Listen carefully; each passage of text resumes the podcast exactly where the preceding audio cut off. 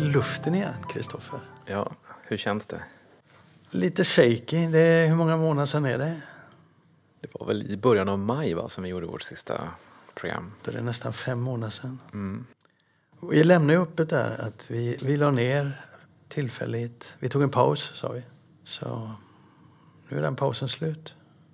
Det var ju det här med, med Bromberg som gjorde att vi kände att det var dags. Jag i alla fall framförallt kände att det, det var liksom, nu, nu tappade jag lite grann lusten. Och sen så har det gått väldigt mycket tid. Det har hänt en del saker och eh, corona fortsätter och allt är lite tråkigt och vi har saknat eh, podden och vi har saknat varandra och vi har fått rätt mycket bra eh, uppmuntrande frågor om vi inte ska köra lite grann till. Så vi tänkte att äsch, vi, eller jag känner i alla fall att vi kan göra lite poddar till och eh, folk som inte gillar oss behöver inte lyssna. Det var intressant med den här pausen som vi tog. För vi fick eh, rätt mycket eh, frågor. Önskan att vi skulle ta upp den igen. Du märkte det mer än jag eftersom jag sitter i Göteborg. Men eh, många menar ju att det saknas en röst som vränger och rider lite på vad som händer i branschen. Som vågar följa upp och kommentera det som händer. Och vi har ju tyckt det var roligt, eller vi tycker ju att det är roligt. Faktiskt. Så att eh, så enkelt kan man säga att det är då. Vi längtar tillbaka. Vi längtar tillbaks. Sen har vi, ju- sen har vi ju liksom, problemen kvarstår ju att jag är en del av den bransch som vi sitter och kommenterar. Men det är ju, jag tror att eh, vi, och det kommer vi komma få problem med och vi kommer behöva liksom sicka och sacka och eh, försöka und- vi kommer tvingas undvika vissa frågeställningar och sådär. Men jag tror också att de som lyssnar på det här och som kanske stör sig på det måste komma ihåg att vi är en, eh, en kommenterande podd och eh, en analyserande podd och det är inte orimligt att man, att man, att man liksom gör det fast man är en del av det. Till skillnad från dig då så har jag inga band in. Jag kan ju bränna vilka broar jag vill utan att förlora någonting på det. Men du har ju affärer som blir skadade och det där har vi märkt också att det är en balansgång. Och du har blivit sur på mig några gånger när jag har dratt iväg. Eh, och då får jag ju fundera lite på det också. Jo. Var lite, lite mer eftertänksam. Ja, det får du fundera på. Sen får ju folk försöka komma ihåg att eh, Lasse är en fristående röst som inte liksom är min röst och du är faktiskt ansvarig utgivare för den här podden. Eh, och när du svär som Kapten Haddock så, så eh, är det ju faktiskt någonting som får stå för dig. Så är det. Framförallt då så kanske vi ska eh, säga att vi är glada att vara tillbaka. Så får vi se hur länge det blir. Mm.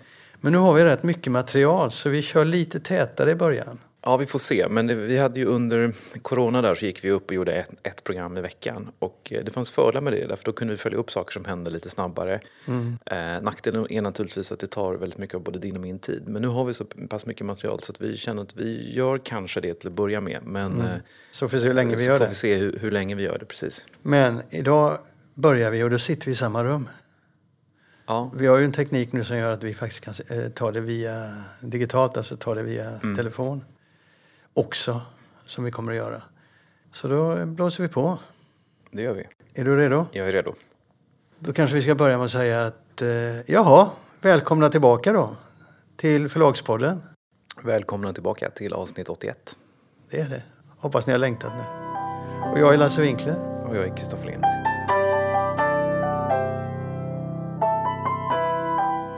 Det här eh, vi ska prata om nu det är ett rykte, ett rätt stort rykte. Eller hur? Har, har, har, har du inte lärt dig att vara lite försiktig med rykten? Eh, vi pratade om det i ett i en annan punkt så att jag har redan lärt mig det. Du har redan lärt mig det kan jag säga. Men det här är, det här är, det här är ett stort rykte som kan få betydande konsekvenser på marknaden. Och även om inte vi vet om det kommer att bli en affär eller ej, för ryktet säger att det är en affär som kan gå åt olika håll fortfarande, så tycker vi ändå, ju, eller i alla fall jag, att det här är någonting som vi vill låta andra fundera på också. Ja, ibland kan man ju säga... eh, Ett rykte kan ju vara också... eh, Ibland kan det ju vara, ligga till grund för en, en bara liksom ett tankeexperiment. Vad skulle hända om och vad kommer hända om och så vidare. Vi har uppgiften att det pågår samtal om ett samgående mellan två aktörer på den svenska ljudboksmarknaden. Och då har vi ju tre stycken att tänka oss och det är ju då Storytel, Nextory och Bookbeat. Men också kanske också Audible nu som är på väg in. Mm. Bocus Play ska vi ju inte glömma att nämna men det är väl inte så sannolikt, sannolikt att de skulle ingå i en sån affär. Nej, det tror jag inte. Den tillhör en större sfär med lite andra affärer. Lite andra enheter i. Men låt oss börja där eftersom vi inte vet om det kommer bli någon affär. Men vi vill ändå fundera runt möjligheten vad det skulle kunna innebära. Så att, eh, hur tänker du? Vilka tror du att det skulle kunna röra? Nej, men eh, jag vet inte. Vi har ju då, om man, om man bortser från Bokus Play som ju tillhör Akademi Bokhandelsgruppen, eh, så har vi ju tre aktörer i Sverige. Storytel, Bookbeat och Nextory. Mm, jag sa just det. Och, eh, Eh, ja, du sa just det, precis. Jag upprepar mig. Nej, men då, då ser man det där så kan man säga att liksom det är de som har... De som, de, Nextory har ju vuxit mest tror jag i procent i år. Eh, I alla fall hos oss. Det kanske inte är så totalt sett. Men, men eh, de har varit jätteduktiga och vuxit väldigt mycket. Men de, har, de saknar eget innehåll. Om det nu kommer att ha, ha en avgörande betydelse på sikt. Men de har byggt en ganska stor marknadsandel. Mycket större än vad de hade för några år sedan. Eh, så att det känns väl som, och nu har det ju skrivits i Svensk Boken om att de ska eventuellt börsnoteras eller de har, ska bli ett publikt bolag utan att listas. Den distinktionen har jag inte riktigt förstått. Eh, och de ska ta in nytt kapital och sådär. Så, så det, det, känns väl ändå som att om det är någon av de här som, som ska gå in i någon av de andra så borde det vara Nextory som uppslukas av Bookbeat eller, Next, eller Storytel. Eh, ett samgående mellan, mellan eh, Bookbeat och Storytel skulle ju vara en eh, spännande affär för då skulle de ju få en otroligt stark ställning i Sverige, Finland, eh, och Danmark och Tyskland. Men, men det, är, det är ju en sån konstig affär och det är svårt att se hur den skulle kunna få konkurrensmyndigheternas godkännande. Alltså där tänk, jag, jag utgår från att den här, det här ryktet handlar om Bookbeat plus en. Alltså det är Bookbeat som går ihop eller säljs till någon av de andra två. Köper eller säljer i relation till de andra två. Och då kan man ju tänka sig eh, flera olika scenarier såklart. Men eh, jag tror inte man ska bry sig så mycket om det här med, med konkurrenslagstiftningen. För den har ju inte spelat någon roll när det gäller marknaden, bok, bokbranschen, tidigare. Och så länge det finns tre aktörer och en är kvar så tror jag att de nöjer sig oavsett hur dominerande det skulle bli. Nextory Bookbeat skulle nog inte ha något problem att gå igenom eh, en, en granskning, det tror jag inte. Bookbeat Nej. och Storytel skulle däremot ha större problem, det tror jag. Även om no den också skulle godkännas. Men vad kan man tänka sig här då? Om Bookbeat och Nextory, vi håller vid det lite. Om Bookbeat och Nextory går ihop. Det handlar ju om priset också. Om de är på väg att bli ett publikt bolag så är de rätt dyra. Vem köper ja, vem? Så, är frågan. Eh, Shadi Bitar han förnekade ju att det var det de skulle göra och sen så när Kalle Laxgård som skrev en, en nyhetsartikel om det här på Svensk Bokhandel ställde honom frågan om det finns en långsiktig plan att de skulle bli börsintroducerade. Då, då säger han att ja, det finns det väl kanske, men det är inte, liksom, vi vet inte om eller när. Men det tror jag att det finns. Och skulle Nextory värderas även bara liksom till, till multiplar som är hälften så stora eller en tredjedel så stora som Storytel så rör det sig om väldigt, väldigt höga belopp. Och man, man skulle ju kunna tänka sig att om, om det går ett, samgående mellan Bookbeat och Nextory kanske båda det gemensamma bolaget börsintroduceras. Så skulle det kunna vara. Eh, vi tittar på den andra möjligheten då. Eh, Bookbeat och Storytel. Eller vad ser du då? Det skulle ju rita om eh, kartan helt och hållet. Eh, verkligen. Eh, men eh, alltså, det skulle ju liksom rubba balansen mellan Bonnier och Norstedts på den svenska marknaden där Storytel ju, har ju blivit liksom en motkraft eh, till Bonnier. Ehm, eh, men en sån affär skulle ju liksom, vara fantastisk för Storytels framtid som liksom marknadsledande jag, jag, jag håll, jag, den känns helt osannolik. Liksom. Men, men, eh, men eh, om en sån affär skulle godkännas av, av konkurrensmyndigheterna och man skulle kunna tänka sig att Storytel betalar för Bookbeat med form av aktier och sådär. Eh, och då blir Bonnierförlagen stor aktieägare i, i Storytel. Den känns ju, den känns ju väldigt eh, osannolik. Men, men det skulle bli ett fantastiskt starkt bolag. Ja, osannolik. En, en total, to, total dominans på de nordiska marknaderna. Ja, men eh, alltså jag, jag tror ändå att en sån affär skulle vara det mest lönsamma och mest intressanta ekonomiskt för, för Bonnier. Ja, Tror du inte det? Den omedelbara, eh, den omedelbara effekten skulle ju bli en, eh, att de blir delägare i ett, ett av de stora Ja, bolagen det, den, den omedelbara effekten skulle ju bli, jag vet inte hur Bonnier har, hur Bonnier, Bonnier bokför värdet i Bookbeat. För Det, det är, ju- men, men det är ju samma sak där, om Bookbeat skulle värderas även bara till hälften av multiplarna som Storytel har så är ju Bookbeat värt liksom eh, en och en halv miljard minst. Ja, Eh, det är kanske där, att det, där kanske du har nyckeln till hela historien. De vill Det ut. klart att den är, ja, De vill jag ut. tror inte att det är, bok, de är inte, det är nog inte bokfört till det, det beloppet. Liksom. Nej. Men, eh, Men det kan ju vara så att de också vill ut och, och eh, bli värderade. Alltså flytta Ja, ut Bookbeat också- utanför Bonniers och gå ihop med Nextory för att... En, en annan tanke är ju att de här höga börsvärderingarna har ju gjort att, förut, att de, de har liksom varit ganska lätt att, att få in nytt kapital. Eh, därför tar man in, Storytel tog in en, en miljard i början av året Mm. och eh, med nu är börsvärderingen, den har ju stigit sedan dess, jag kommer inte ihåg vad den stod i då. Jag tror att den, ja, nu är den väl 15 miljarder kanske, någonting sånt, men då var den lä, lägre, några miljarder lägre, men det blir fortfarande en relativt liten utspädning. Men jag, tänk, Eh, jag tänker när det kan- gäller... Där kan man ju tänka sig, där, jag skulle bara sammanfatta, där kan man tänka sig att det samma, Bookbeat skulle ju, få- om Bookbeat och Nextory går ihop så får du ju, ja, kan de ju också ta in pengar väldigt billigt. Eh, Det var det jag tänkte på också. För att Storytel kan idag köpa aktörer på marknaden med väldigt billiga pengar inom citationstecken. De kan ju köpa till exempel eh, Airselect som de gjorde. Som marknaden inte riktigt har fattat den affären. Så det måste vara en av de Nej. absolut strategiskt bästa de har gjort på, på hur Folk som förstår inte hur viktig den affären var. Eh, och Nej. de fattar inte att det var en fantastisk teknik som Storytel köpte där. Men eh, samma vecka, så kom det ju, eller veckan innan tror jag, så kom det ut att de hade köpt ett arabiskt bolag som eh, omsatte ingenting och gjorde 25 miljoner i förlust. Och då steg aktien med 5 procent eller något sånt där. Ja, nej men detta säger ju Bonniers och Bonniers har ju inte de pengarna, inte ens när det gäller att kunna handla förlag.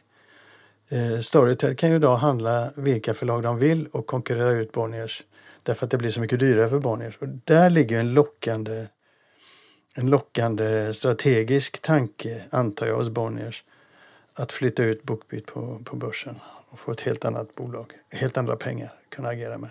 Och detta också samtidigt som Audible kommer in. Audible är ju fortfarande styckpris eh, på den svenska marknaden. Och vi vet ju inte om de väljer att gå in med strömmande tjänst i Sverige Nej. överhuvudtaget. Det, det, det är en okänd faktor. Men det är också en faktor att när, när de kommer in och hela den här marknaden är mer internationell än, än bokförsäljningen. Så uppenbarligen när det gäller att bygga företagen så kommer ju Bonniers att behöva göra någonting och Nextory behöva göra någonting. Så att, eh, ju mer vi pratar om det här ju mer tror jag att det är Nextory Bookbeat. Men vi kanske satsar på fel häst då. Men jag gör nog det.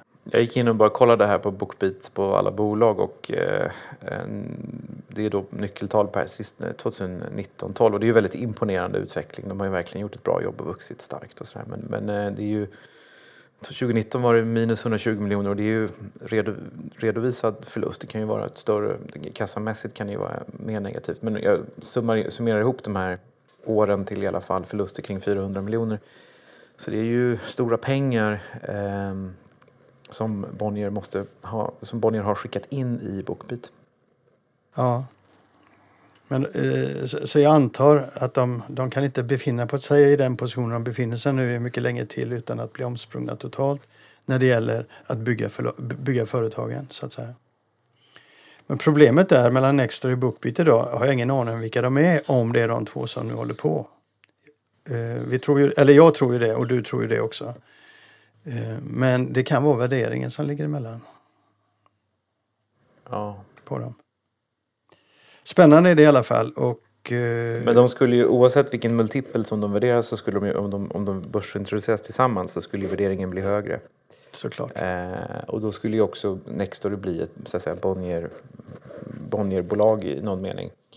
Men eh, ja, vi vet ju inte. Det här är ju som sagt bara ett rykte. Du har ju för sig trovärdiga källor här. Men, men det, det är ändå spännande för att den här affären kanske inte sker nu men förr eller senare så, så kommer det säkert ske saker på, på eh, streamingtjänstsidan. Det är, det är många aktörer och det är stora pengar. Men vi släpper det ryktet där. Vi kan återkomma Om vi hinner, om inte alla andra går igång på detta. Ja, fast ett rykte är ju ett rykte och det är svårt. Den här podden har ju den fördelen att vi, vi säger att det är ett rykte och det är en tankelek och jag menar, det, sånt är ju kul. Att man måste Mm. kunna få... Men, men det, det här är ju inte... Det här är inte Fakta. det finns ju ingenting bekräftat, så det här är ju inte fakta. Nej. Men eh, vi kör ut det och så får vi se på reaktionerna. Om vi får rätt längs vägen eller om vi får ta upp frågan igen och, och se vad som händer. Jo, men även om ditt rykte stämmer så behöver det sen inte bli någon affär. Nej. Nej, det, var, det sa ryktet också att det kan gå åt alla håll just nu. Så, så, så vi får se. Bra, vän. Bra.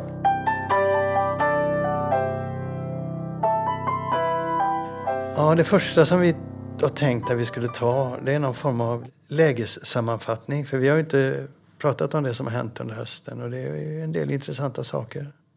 Verkligen, jättemycket intressanta saker och jag tror att, eh, det här säger man kanske alltid, men att det här året är väl det mest omtumlande året som, som eh, bokbranschen kanske någonsin har upplevt. Och jag tror även på, på det privata planet att det varit så för väldigt många människor med väldigt stora omställningar. Så här. Men eh, när vi sände vårt sista program i, i maj så såg ju situationen väldigt annorlunda ut. Så ska man göra någon slags sammanfattning av vad som har hänt sedan dess så tänker jag att den stora grejen är ju att branschen i överraskande hög grad har tickat på att bokhandeln har eh, gjort ett fantastiskt enastående jobb och eh, att det fysiska tappet har kompenserats väldigt mycket av, av eh, alltså det fysiska tappet i fysiska butiker har kompenserats väldigt mycket av näthandel och att streamingtjänsterna har tickat på. Så det är ju, verkar ju som att eh, förlagen eh, mår ganska bra med undantag för eh, att de som har en utgivning som inte kanske funkar digitalt eh, har det väldigt tufft. Så att det, man kan väl säga att det, de, de tendenser som fanns har förstärkts men på totalen så ser det ut som att eh, förlagen går ganska bra.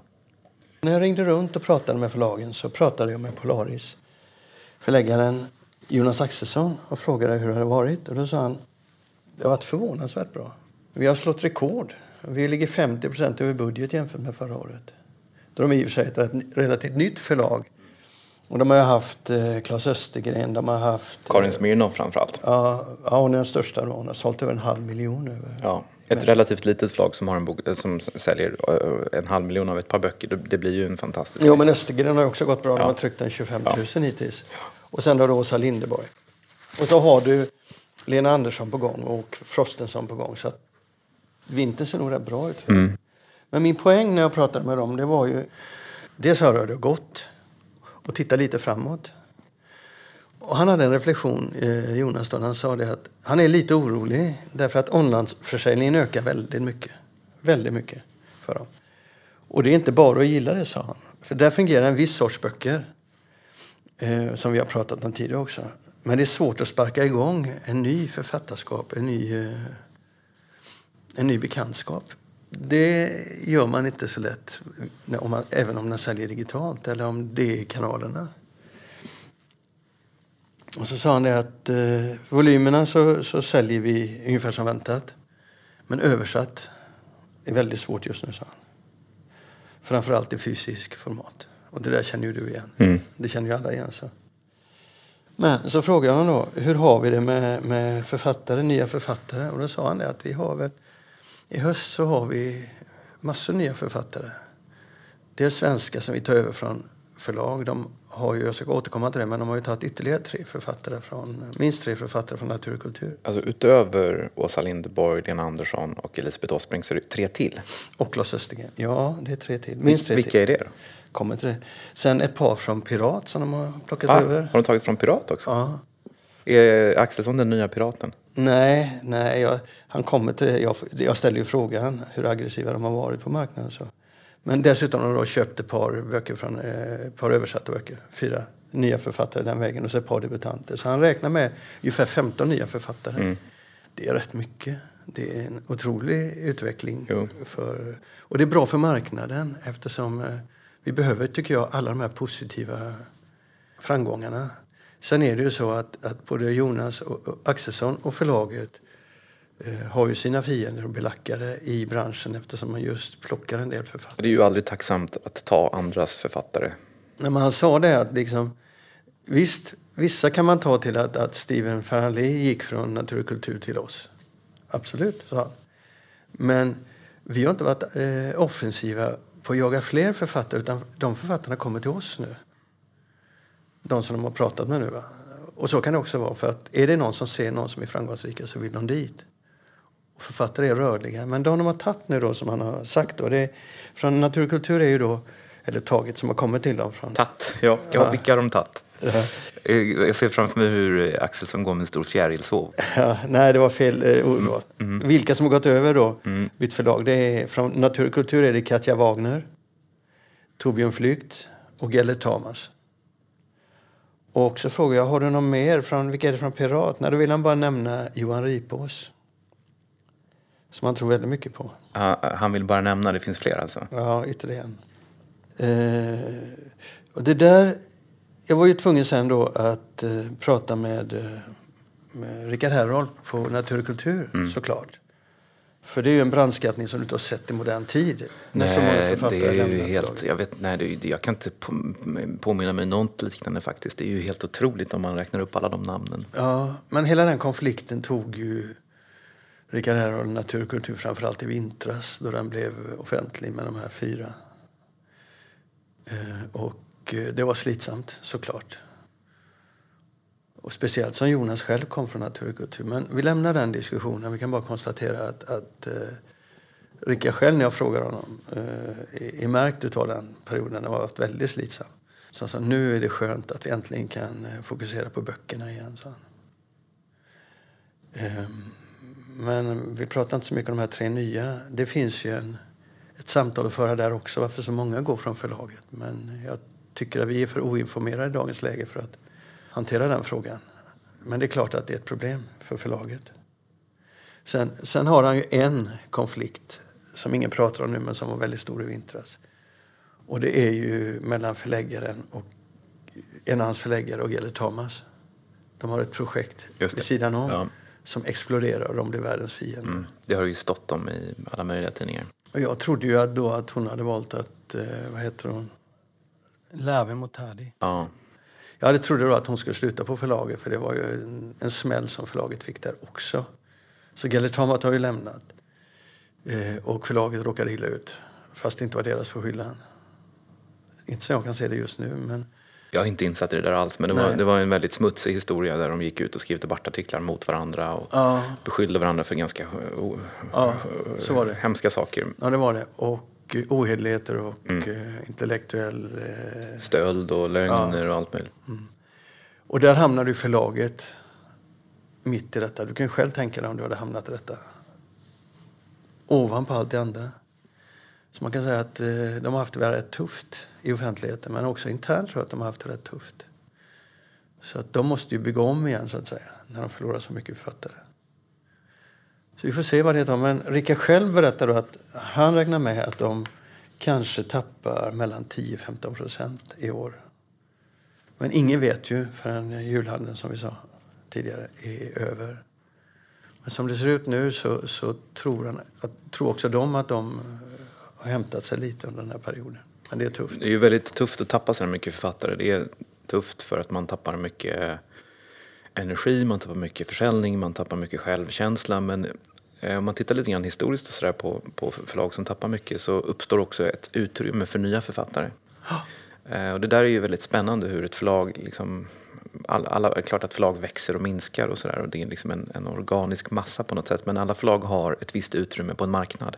Och när sådär många författare, så många stora namn försvinner från natur och kultur så kommer, jag är övertygad om att författare som kanske inte var så namnkunniga där tidigare kommer blomma upp på ett sätt som de inte hade gjort. Ja, fast det beror på hur, hur de får sitt hus i ordning. Så att säga. Självklart, men jag bara säger det, finns en- det kan finnas en positiv kraft i att, att många författare försvinner för att det, blir också, det öppnar också upp för något nytt. Ja, det tror jag. Men, men här handlar det också om att få den interna... Det tänker inte folk på när de funderar på förlägg, förlag och författare som försvinner. Men det finns en orsak att en del försvinner. Så det kan ju vara så att de behöver titta över sin organisation.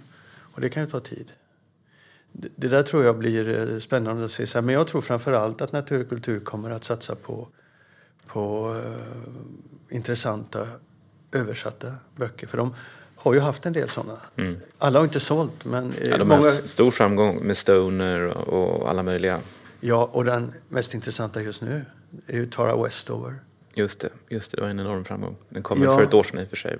Ja, jag, jag, jag läste den i somras. och Det, det är årets... Du är alltid lite sen på Nej, bollen. men jag, har jag har en jädra bokhög. Vet du. Jag kan ju använda dem som möbler, mina böcker som jag inte har läst. Men, men det, är årets, det är årets bästa, mest intressanta läsning. Mest överraskande läsning, det var faktiskt Tara Westover. För mig hittills i år. Eh, Och den, den går som tåget fortfarande. Framförallt mm. går den väldigt mycket digitalt nu och i pocket.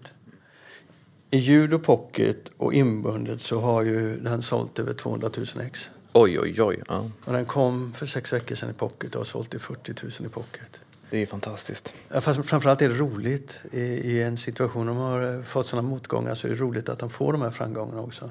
Och kan visa omvärlden att, att de verkligen har det där fortfarande. Du vet känslan av att hitta bra författare och så. Sen, sen var ju Rickard i en taskig situation när det gäller Lave Motadi och Gelle Tamas. Ja, det är en svår sits. Det, vad han än gör så blir det fel. Ja, han sa det. Jag fick ju frågan, "Vad- vad- du måste göra något. Fick han ju höra då. Vad ska jag göra? Hur han än vänder sig där så, så blir det ju katastrofalt. Det finns ingen bra lösning på en sån konflikt. Och helst vill du inte ha strålkastarljuset på den för den, den skadar dig hur du än gör. Så man kan väl säga att han har haft det bland de tuffare grejerna, eh, tuffare eh, sitserna. Vi får se om de, hur de kommer tillbaka. Det tror jag att de gör. Eh, ja. Det var det. Och så pratade jag också till exempel med, med Kaunitz Olsson. Mm. Eh, och eh, de håller budget. De var också väldigt optimistiska. Det är liksom det man får känna nu Ja, de är här kul. tiderna. Ja. Jag har ju inte hållit budget.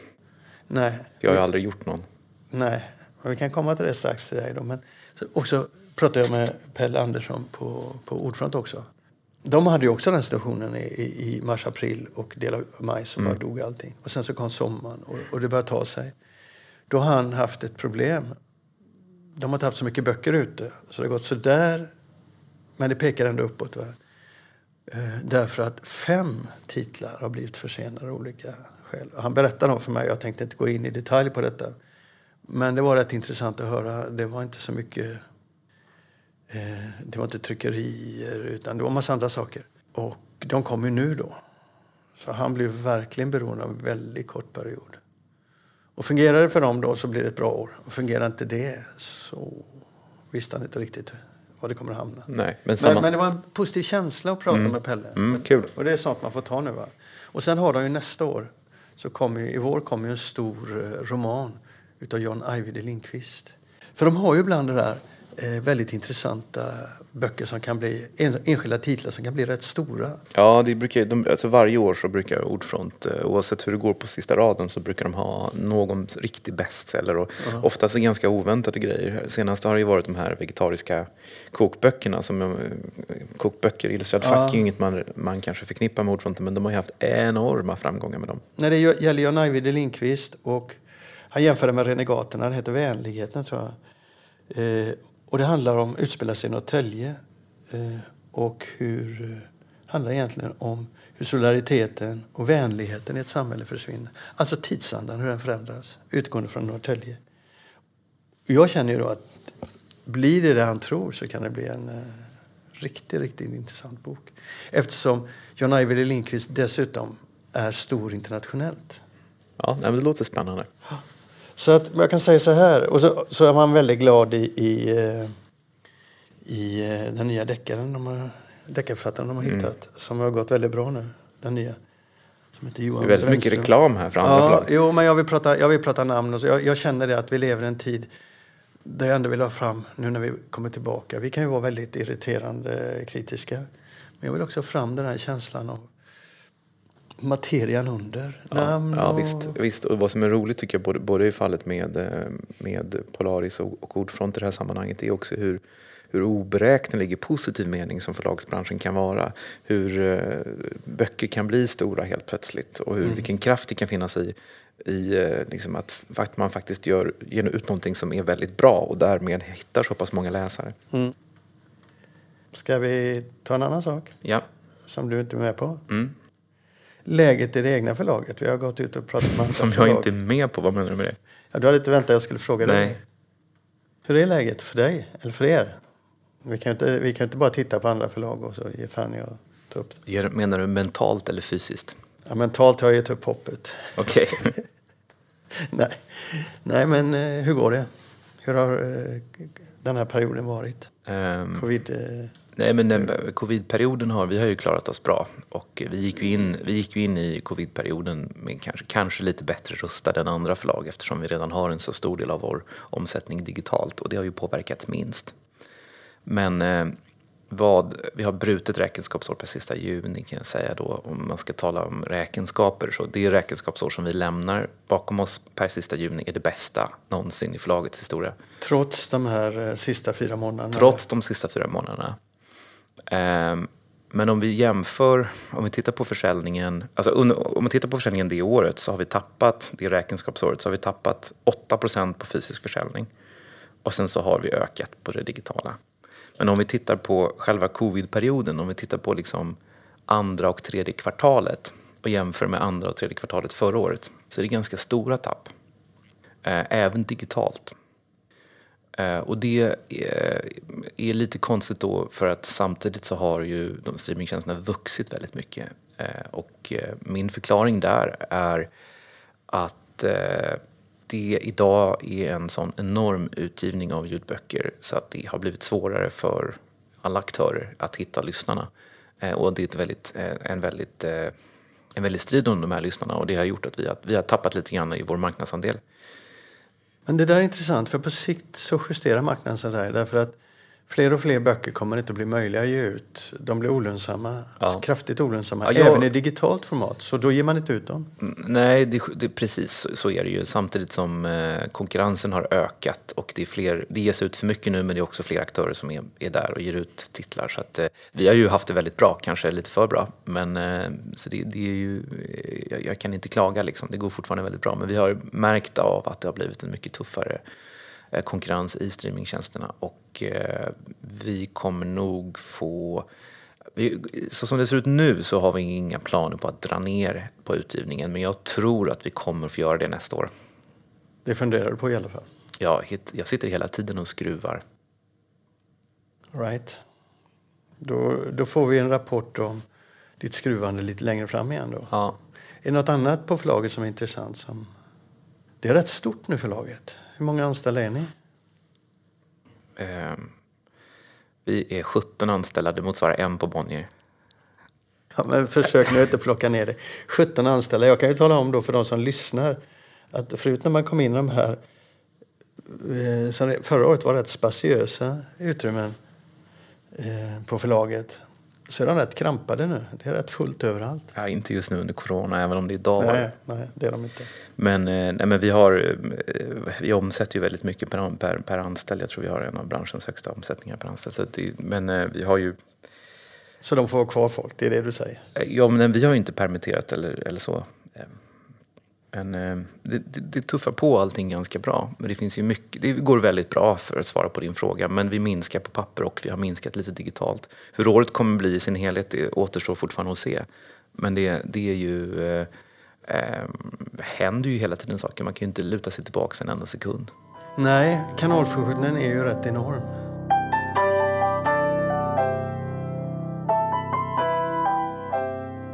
I den här spaningen som vi nu pratar om, hur läget har varit, så pratade jag med Maria Edman, Edsman på Akademibokhandeln. För jag var lite nyfiken. De, hon har varit ute i Svensk Bokhandel och pratat mycket om vad som har hänt. Men jag tänkte en sak som jag Du blev... har verkligen pratat med folk.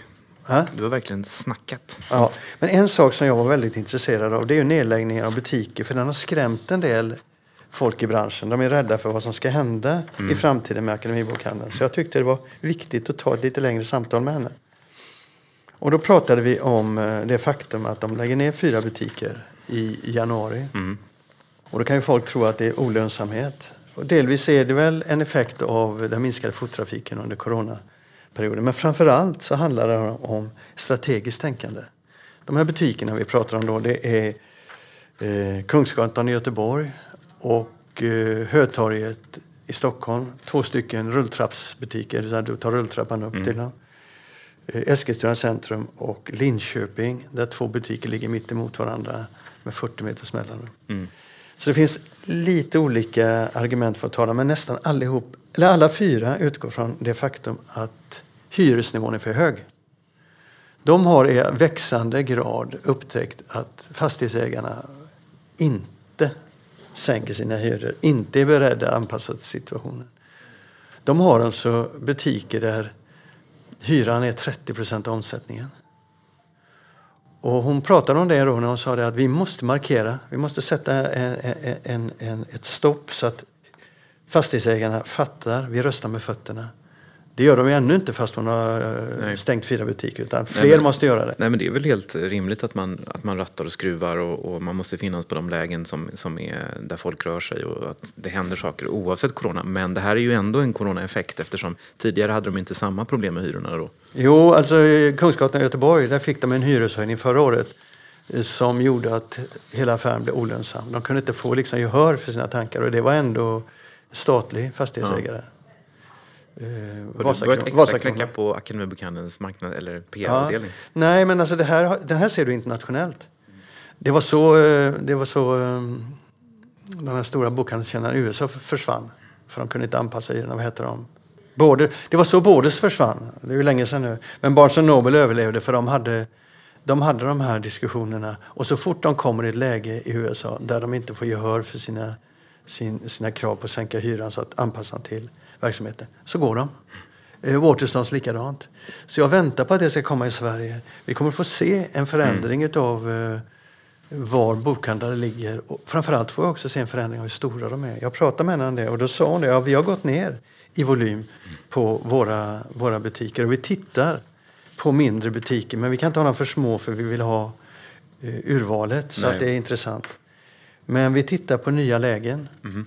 Och eh, vi tittar på en ny typ av butik. Eh, så att jag tror att den processen hos eh, Akademibokhandeln, som är ett strategiskt läge, är jätteintressant och den ska man inte vara rädd för. Nej. Men så sa hon också att eh, de kommer att gå med lite förlust i år. Eh, men inte mycket, trodde hon. Det beror lite på julen och det är de två sista veckorna framför allt. December, julhandeln är 20 procent av deras omsättning.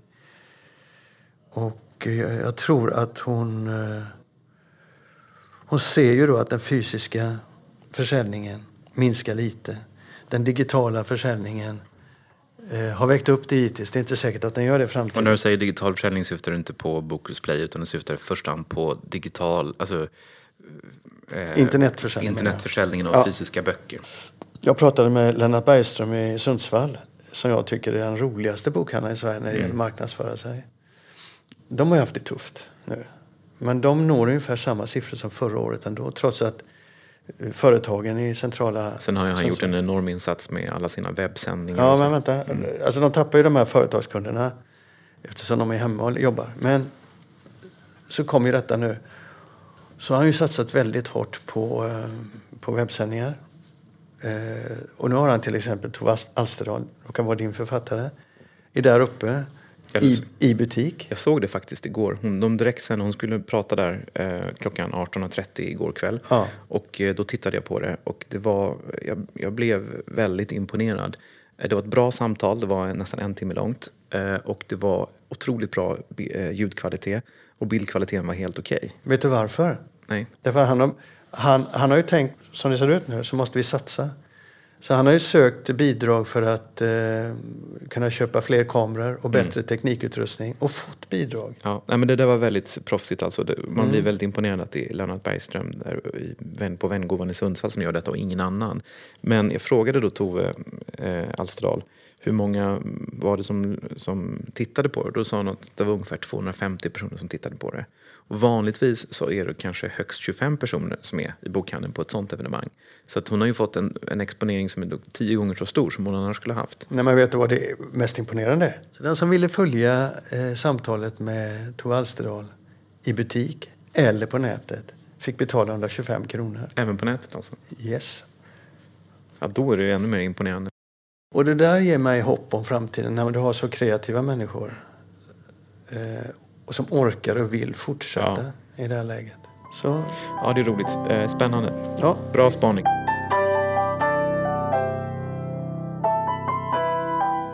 En grej som jag vill ta. Jag har två grejer som jag vill ta som handlar om Bonniers. Eh, Okej, det här vet inte jag vad det är. Så att... Jo, jo det, Ja, det här ja. Ja, ja. Mm. Ester Bonnier. Mm. De har ju gått ut i media, Svensk Bokhandel, Bonniers och meddelat att de lägger ner Ester Bonnier-strukturen. Mm. De byggde ju den när Strawberry kom. Så svarade och tog fyra, fem personer från Bonniers. Så svarade ju Bonniers med att bygga om sin organisation. Där man skapade något som heter Ester Bonnier. Där ingick då eh, Bonnier Fakta och Forum. och Love Reads som Ja. i det här sammanhanget inte är så stora. Och så Nej. två andra mindre. Bonnier Brands och Brillby och så. Ja, just det. Som vi aldrig vet Men vad det är. nej, men framförallt eh, Bonnier Fakta och, Mm. och eh, Forum.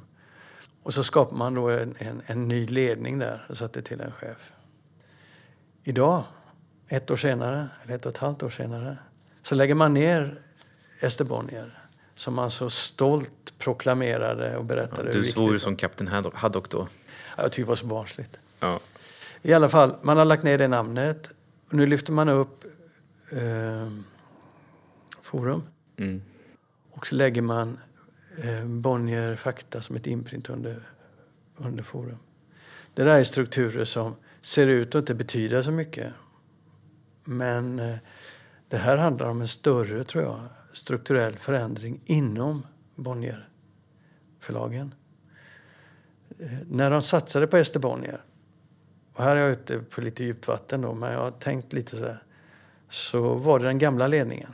Håkan Rudels och de under honom. Men nu kommer ju Sara Börsvik och några till som började efter det här beslutet och efter det här samtalet. Och som har tittat hur det här har utvecklat sig och de ser ju att det var ett misslyckande. Jag tror att detta handlar om en, en eh, större omorganisation. Det kanske jag sa alldeles nyss. ja, du sa det. Men eh, ja, det är väl uppenbart att det är en omorganisation. Men det konstiga med Ester Bonnier var ju att ingen förstod ju när de gick ut med det var som att de skulle ha fortfar- fortfarande ge ut böcker under Forum och Bonnier Fakta och sen så skulle Ester Bonnier vara någon slags övergripande namn på hela verksamheten. Så att författarna började ju skriva på Facebook att min nästa bok kommer på Ester Bonnier och sen så kommer den på Forum. Så det blev ju väldigt förvirrat. Vad Ja, var- Ester Bonnier Ester var Bonnier ingen- var bara liksom en, en, liksom, en Ja. liksom luftorganisation på det sättet. Det var ett sätt att samla eh, organisationen för att svara mot Strawberry. Men så köpte man ju Strawberry, gjorde om det till Bazaar och då behöver man inte längre Ester Bonnier.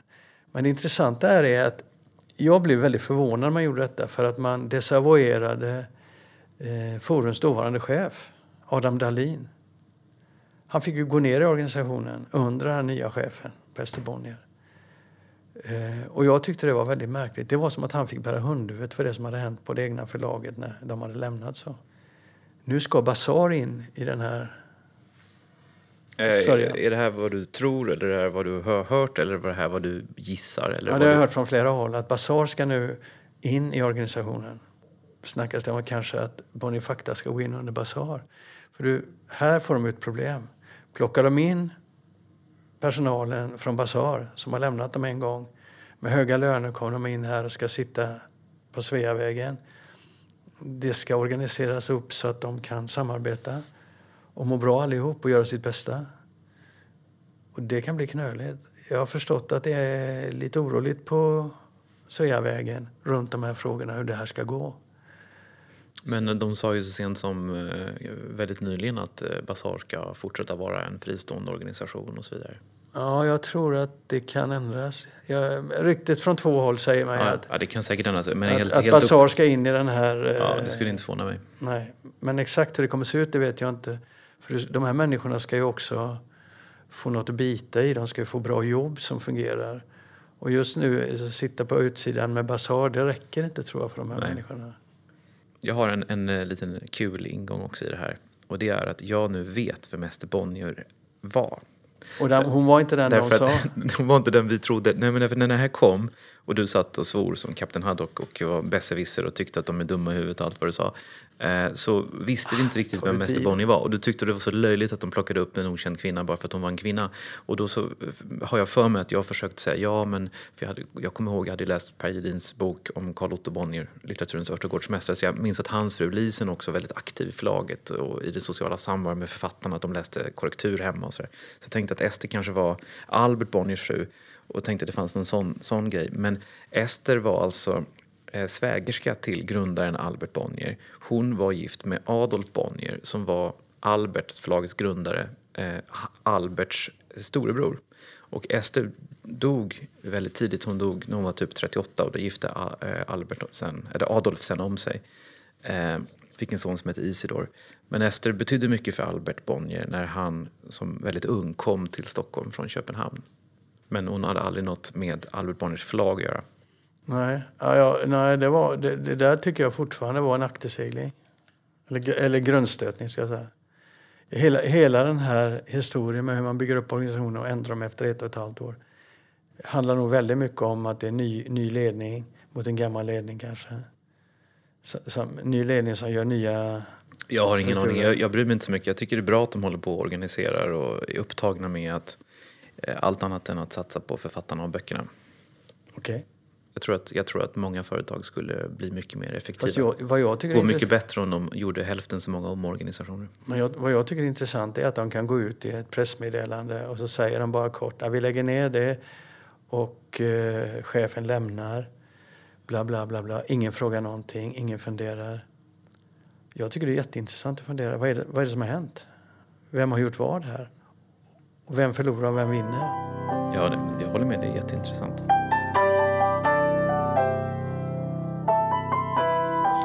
Jo, jag, det har dykt upp en sak som jag tycker är, är värt att lyfta eftersom jag tror att det här är en problematik som kommer bli allt vanligare eh, och som förr eller senare kommer drabba någon av de svenska streamingtjänsterna.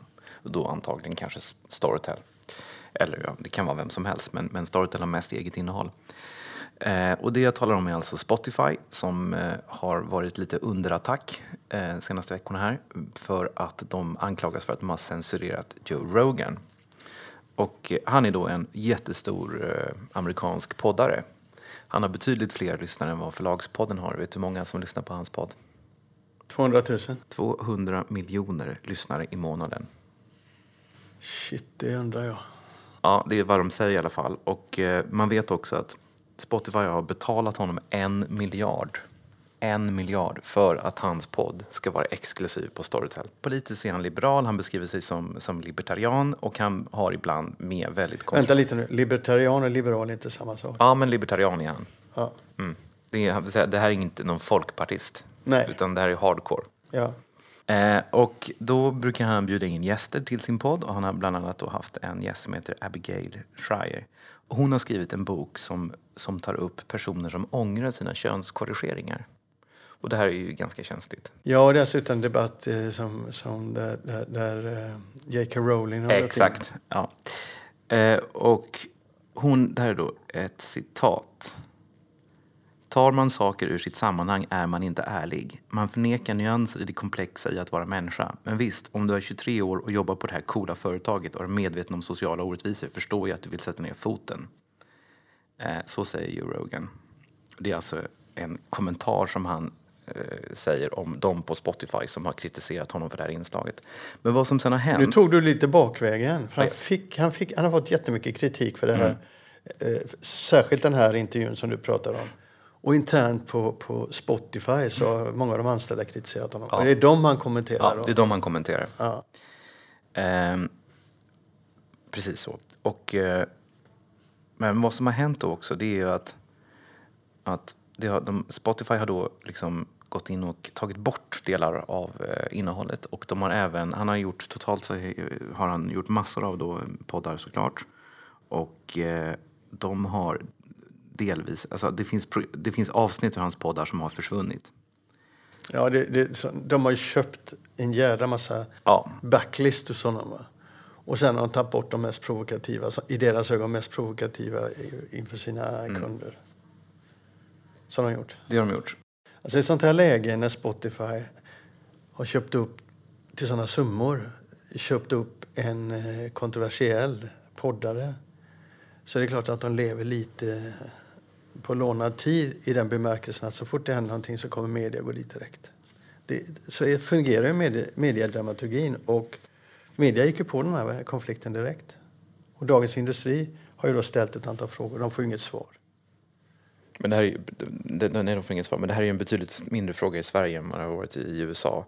Och, och det, där, det här har blivit en jättestor och kontroversiell sak. Men det, det, är då två saker som är kontroversiella. Det första är själva inslaget i sig och det andra är att Spotify tar bort inslaget, klipper bort delar av det och framförallt ta, har de då tagit bort delar av hans backlist som du säger. Och sen så försvarar då inte Spotify eh, sig med något annat än att de hänvisar till sin policy och sin värdegrund. Alltså, men tänk, Spotify är, finns i hela världen. De retar gallfeber på alltid någon gäng hela tiden. Och så ska de balansera här för att få in sina kulor, så de har lagt rätt mycket kulor. Så de är ju en omöjlig sits. Så det viktigaste för dem är att inte uttala sig. För uttalar de sig i dessa tider så retar de gallfeber på en stor gäng till höger eller till vänster eller i mitten, upp eller ner. Du kan inte vinna, de kan inte vinna Nej, det, så, så, är det ju antagligen. Och det är ju därför som de inte säger någonting utan hänvisar till sin värdegrund och så vidare. Men, men jag menar på att det här är ju en, på sikt en helt ohållbar hållning. Utan det rimliga hade, det rimliga hade varit att eh, Joe Rogan står för sina egna åsikter. Eh, vi står för yttrandefrihet. Eh, han har inte sagt någonting som är olagligt. Vi kan inte gå in och censurera det. Därför att om de fortsätter fylla, sina, eh, fylla Spotify med massa poddar och exklusivt innehåll så kommer det här uppstå igen. Såklart. Och jag är helt övertygad om att det kommer eh, förr eller senare ske också i en svensk streamingtjänst. Ja, jag tror att man måste sätta ner och markera det här är vår de har ju en policy men den är alldeles för vag. Den, är, den, är, så, den, den, är så pass vag så att den, den, är, den gör att de kan ta bort i princip vad som helst som de får lite kritik för. Ja, och det, alltså, de här företagen har ju valt att anpassa sig till en samtida samtalston. Istället för att markera en, eh, och ge sig själva ett utrymme och friare händer så vågar de inte stå upp för, så som du formulerar, yttrandefriheten. För då tappar de folk också. Men visst, vi kommer att få det i Sverige.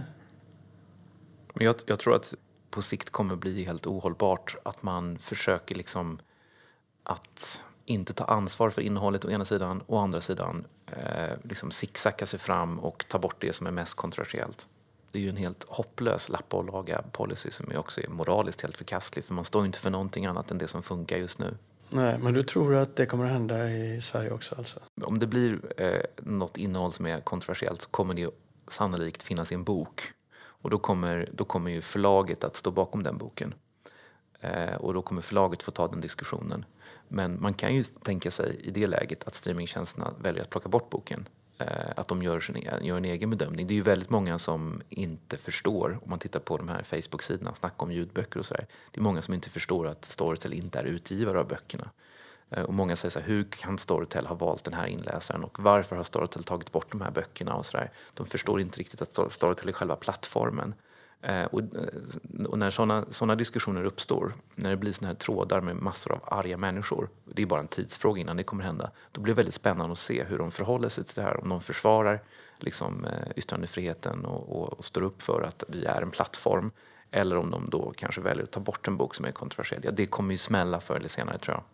Vi har haft de diskussionerna i podden innan i små enstaka exempel mm. där Libris exempelvis backat fort som fan när de fick kritik för ja. den här eh, antivaccinboken och sådana här saker. Så att jag har, har in, inga höga förhoppningar om, om uh, den, de Nej. konflikterna när de kommer. Det är möjligt att rent taktiskt att det här var rätt sätt för Spotify att uh, liksom, göra just nu. Men på sikt så tror jag att det är svårt. Jättesvårt.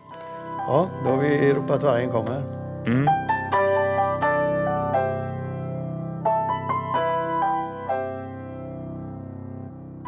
Eh, det var allt för avsnitt 81 av Förlagspodden 2.0. Yes.